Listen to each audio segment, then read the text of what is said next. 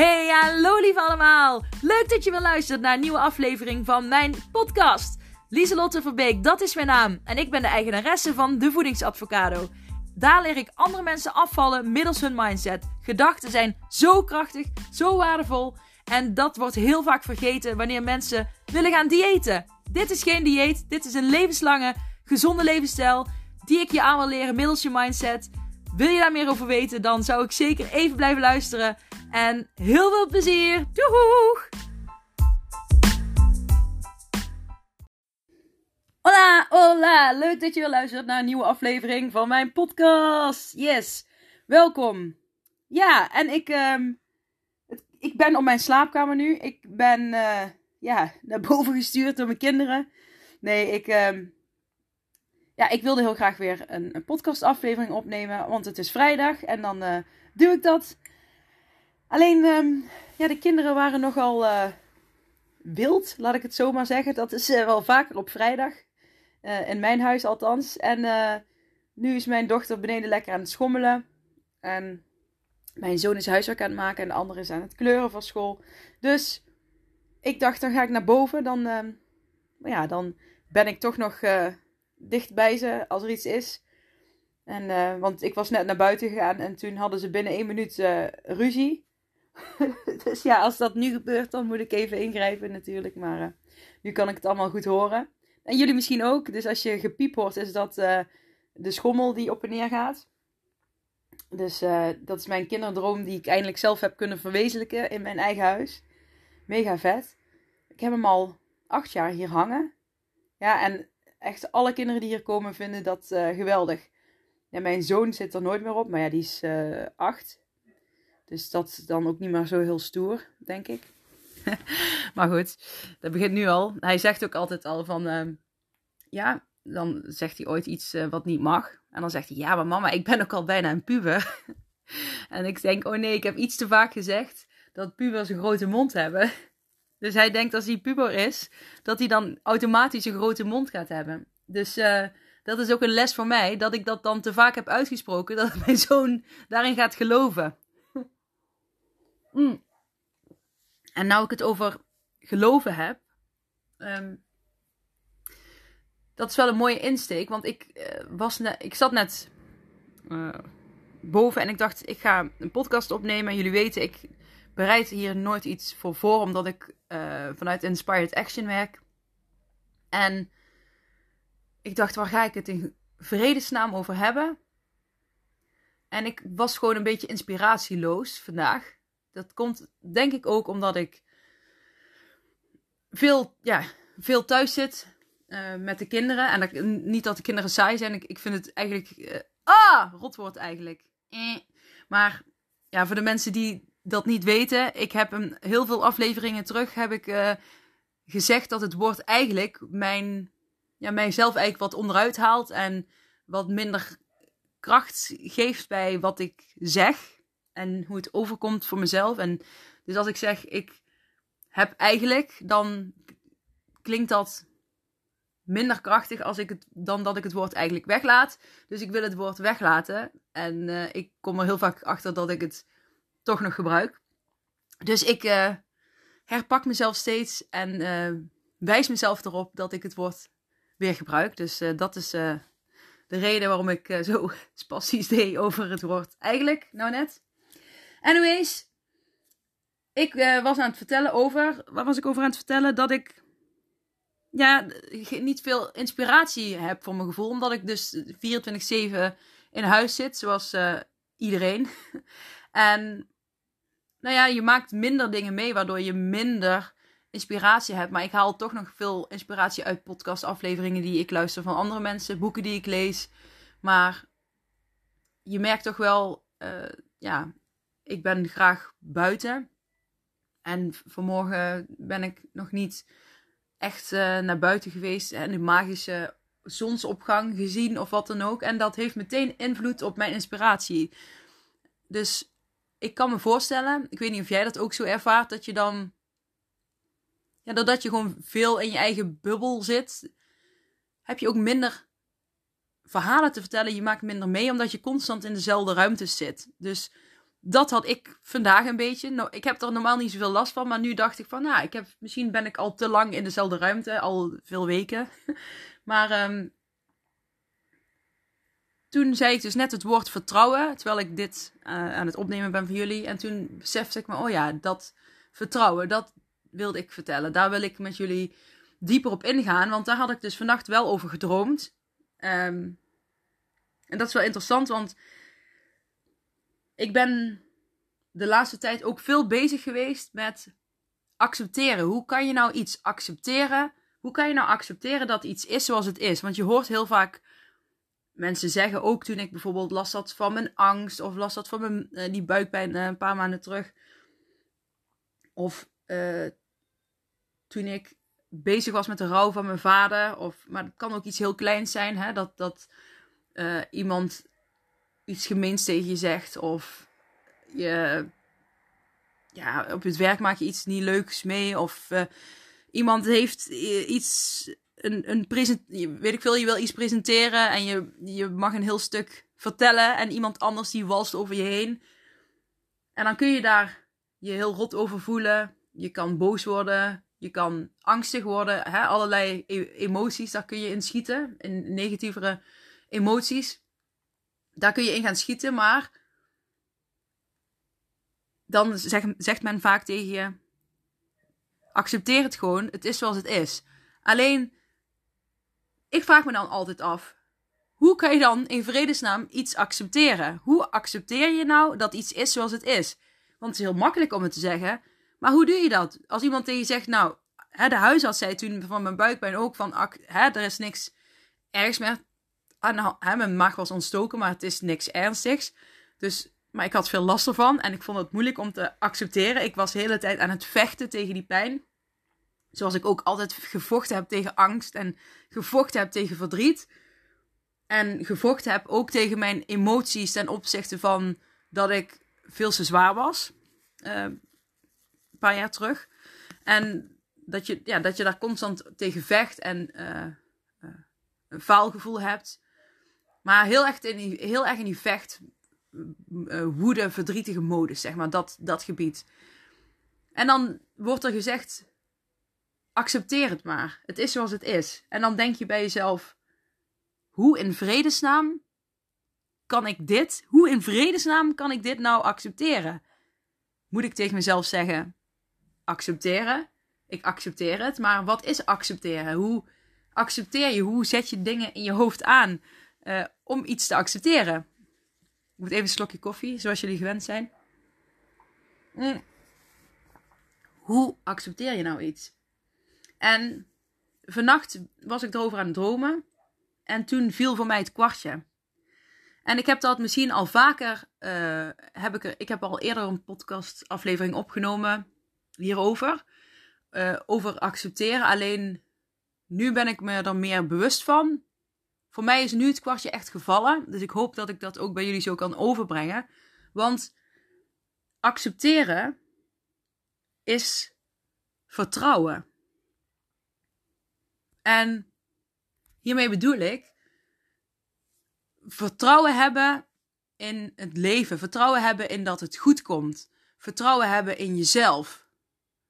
Toen ik bijvoorbeeld uh, heel erg met die buikpijn zat en die angst, um, een paar maanden terug had ik daar heel veel last van. Toen kon ik uh, dat niet accepteren, waardoor, het, waardoor ik in die angst en het, in de buikpijn bleef hangen. Een paar weken.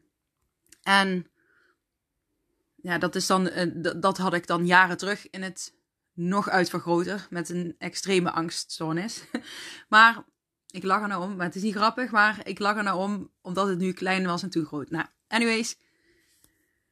Ik kon dat toen niet accepteren, omdat ik geen vertrouwen erop had dat het goed kom, kwam. Ik had geen vertrouwen uh, dat, dat ik niks anders. Ik had geen vertrouwen in de huisarts, laat ik het zo zeggen. Ik had geen vertrouwen in mijn lichaam. Ik had geen vertrouwen in mijn leven. Ik had geen vertrouwen in de mensheid aan zich. Ik had dus gewoon geen. Ik had nergens vertrouwen in. Ik was mijn vertrouwen in alles kwijtgeraakt. En ik, en ik viel naar beneden in die angst. En ik greep om me heen. Alles wat ik vast kon pakken, greep ik. Zo voelde ik me letterlijk, zo zag ik mezelf ook in mijn hoofd. Ik ben aan het vallen en ik grijp, weet je wel, ik ga naar de huisarts en ik grijp daar en ik grijp naar mijn man en ik grijp naar, naar mijn moeder. Help me, weet je wel, help me, help me. Maar ik kreeg, en ze zeiden allemaal hetzelfde. Het komt goed, hè? accepteer het is zoals het is. En als je het accepteert, gaat het beter. Maar ik geloofde het niet, ik kon het niet vertrouwen.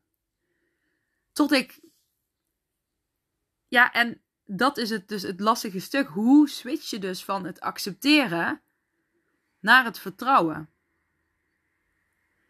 En dat is interessant, want daar, het enige wat ik daar ik kan daar nog niet een heel duidelijk antwoord op geven. Want dat is een proces wat je zelf uh, door moet gaan. Maar als je weet, ik weet wel dat als je. Ja, hoe zeg je dat? Als je weet dat je diep kan vertrouwen op het leven en dat je kan vertrouwen dat dingen gaan zoals ze gaan. Dat, zoals ik laatst zei, dat je negatieve dingen meemaakt. Hè, uh, waar je negatieve dingen kun je heel veel van leren. En die dingen die je leert, die openen ook weer nieuwe deuren.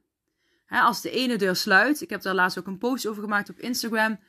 Uh, toen was ik aan het rennen en aan het hardlopen en ik sloeg een weg in en die was spiegelglad. Dus daar kon ik niet door. Ik kon doorrennen en um, ja, stukjes moeten lopen en glijden en uh, heel lastig gaan rennen. Met de, de, wetenschap van, nou ja, als ik hier uh, doorga, dan kan ik niet lekker rennen. Wat mijn intentie was voor die ochtend.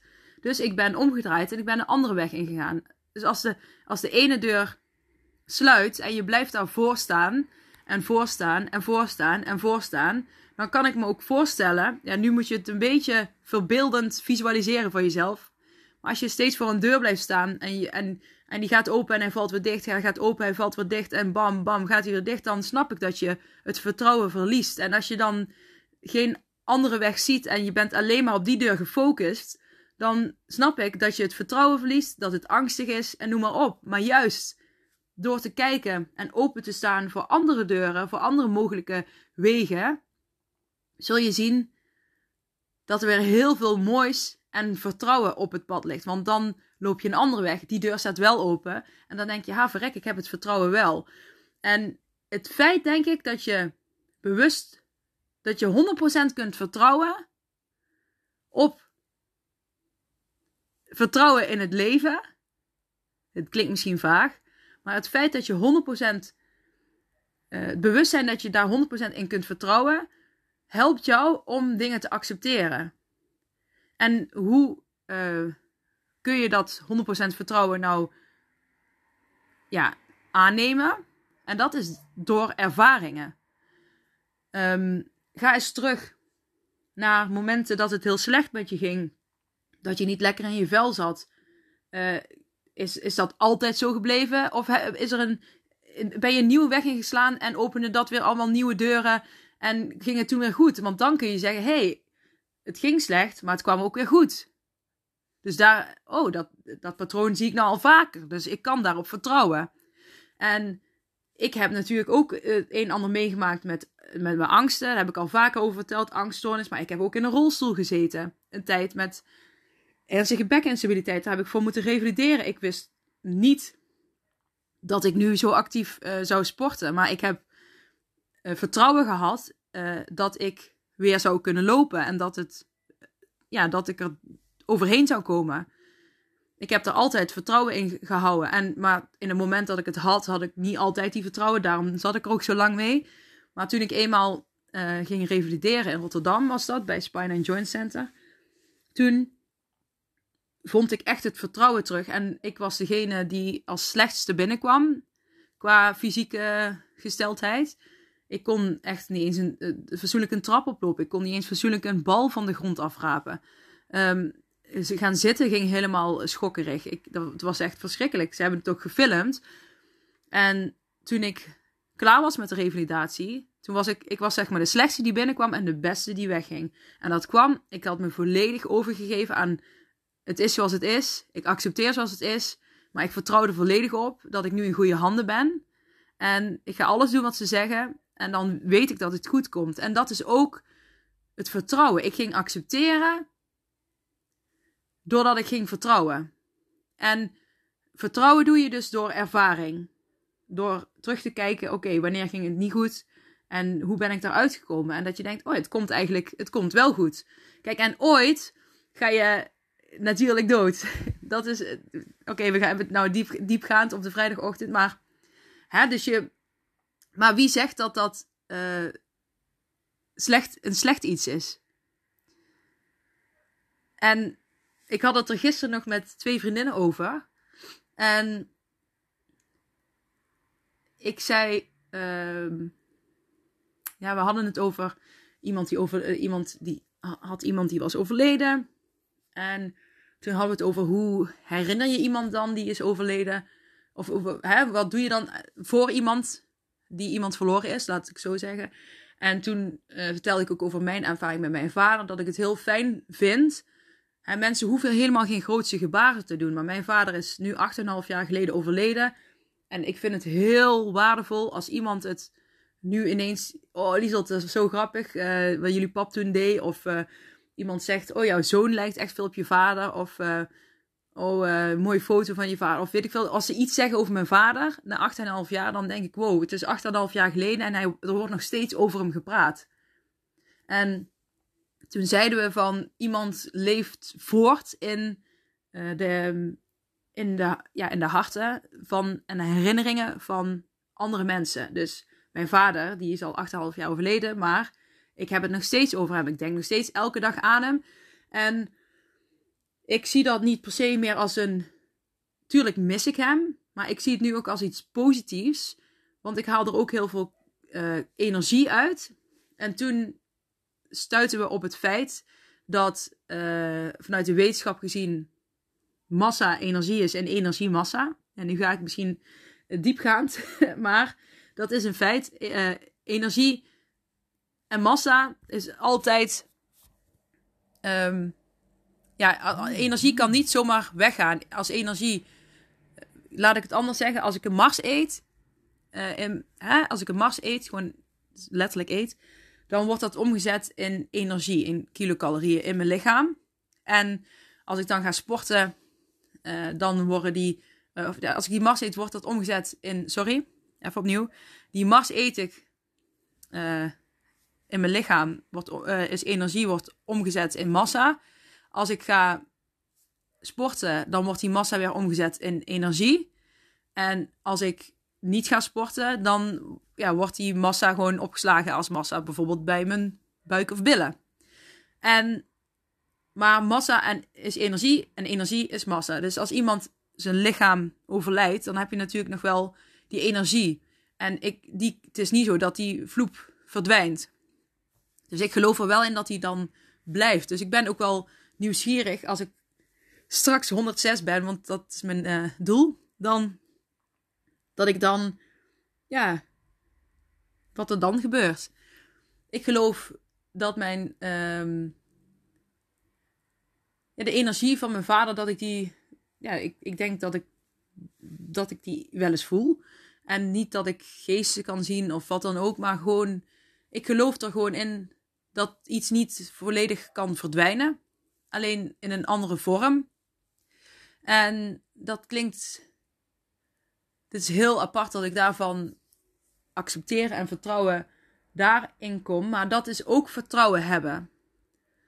Um, ja, dat, maar dat, ja, dat is ook ergens in geloven. Daarom, vroeger was ik altijd jaloers op mensen die er een geloof hadden. Even, ik ga weer een slokje van mijn koffie nemen, want anders wordt die koud. Mm.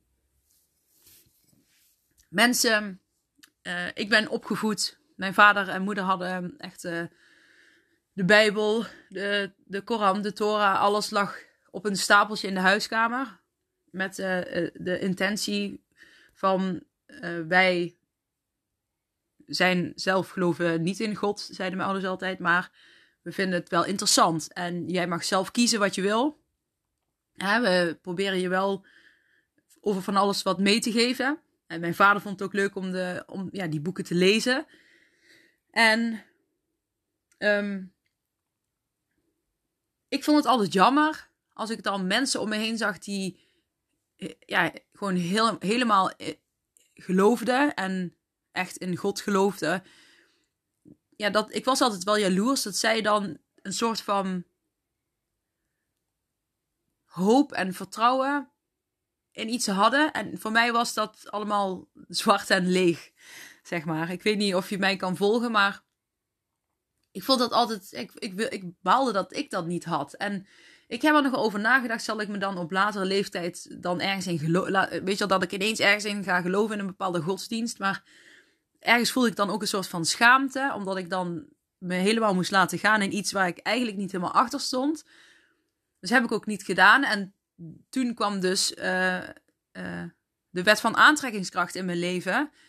Wat eigenlijk in essentie heel veel van elkaar weg heeft. Alle geloven hebben in mijn hoofd heel veel van elkaar weg. En in heel veel essenties hebben ze dezelfde punten, wat ik heel mooi vind.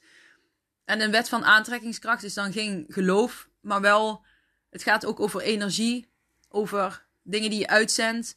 Uh, en ook over manifesteren, hè, dat, je, dat je ergens uh, dat, je, ja, dat je dingen manifesteert, dat je ergens in gelooft, uh, een, een, intentie hebt en daar ook actie naar uitvoert. Hè. Een intentie zonder actie ja, is, is eigenlijk ja, je is zonde. En een actie zonder intentie ook niet. Dus je moet eigenlijk de actie en intentie bij elkaar zetten. Dus als je gezond wil leven en je wil afvallen, uh, je kan de intentie hebben om gezond te leven. Maar als je geen actie uitvoert, ja, dan stelt het niet zoveel voor. En als je gezond gaat leven, maar je hebt niet echt een intentie erbij, dan, uh, ja, dan weet je niet waar je naartoe gaat. Dus als je die samenpakt, dan ga je veel meer bereiken. En dan, dat noemen ze dan manifesteren. En um, het, ik, wat ik het mooie daarvan vind, is dat ik het ook echt zelf heb ervaren. Hoe krachtig je gedachten zijn, hoe krachtig die focus is die je kan hebben. Uh, hoe je negatieve gedachten kunt verleggen, hoe je oude overtuiging kunt switchen. En dat nu ik dat stuk heb, merk ik wel dat ik meer vertrouwen in het leven heb gekregen. En vertrouwen heb in dat ik weet dat ik met mijn mindset heel veel kan uh, bereiken. En dat vertrouwen helpt om dingen te kunnen accepteren. Holy moly, ik ben echt van van overlijden naar weet ik het allemaal, naar nu weer het accepteren gekomen. Ja, ik, ik denk echt dat accepteren dus vertrouwen is. En ga zelfs bij jezelf na. Wat, heb je ooit dingen die herhaal, herhaaldelijk terugkomen? Maar ook het afvallen. Hè? Als je al honderdduizend keer uh, poging hebt gewaagd om af te vallen en het lukt steeds niet, dan, is het, dan moet je ook kijken van accepteer je. Begin eens met accepteren van het is zoals het is. Hè, ik ben zoals ik ben. En probeer eerst eens daar tevreden mee te zijn. En vanuit dan ga je eerst accepteren. En door het accepteren heb je het vertrouwen uh, gekregen dat je kunt eh, veranderen. En vanuit daar ga je verder. Maar dat is echt echt stap 1. Dus ga dat eens bij jezelf na. Ik hoor dat, ik, uh, dat er iemand hier in mijn kamer binnenkomt. De deur gaat heel langzaam open. Kom maar binnen hoor. Wie is dat kleine meisje? Wie is dat kleine meisje? Hé hey, Katootje. Mijn dochter Kato komt binnen. Dus het is een mooi, uh, mooi moment. Hallo schatje. Wil je iets vragen? Wat wil je vragen?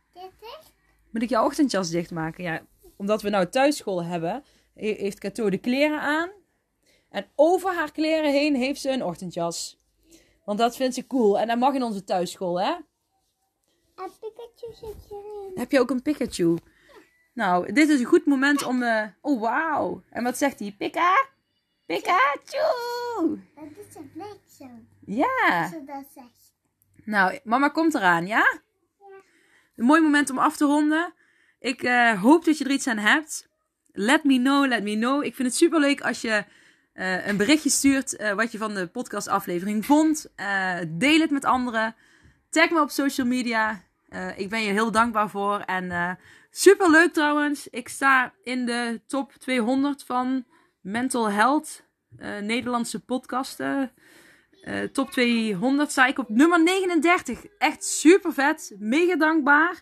Ik wist niet eens dat er een top bestond. Maar daar ben ik dus gisteren achter gekomen. En ik sta gewoon effing op plek 39. Dankjewel, dankjewel allemaal. Ik vind het mega, mega vet.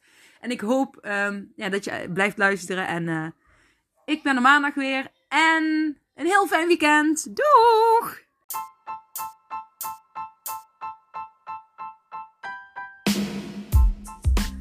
Hey, super bedankt voor het beluisteren van deze aflevering van mijn podcast.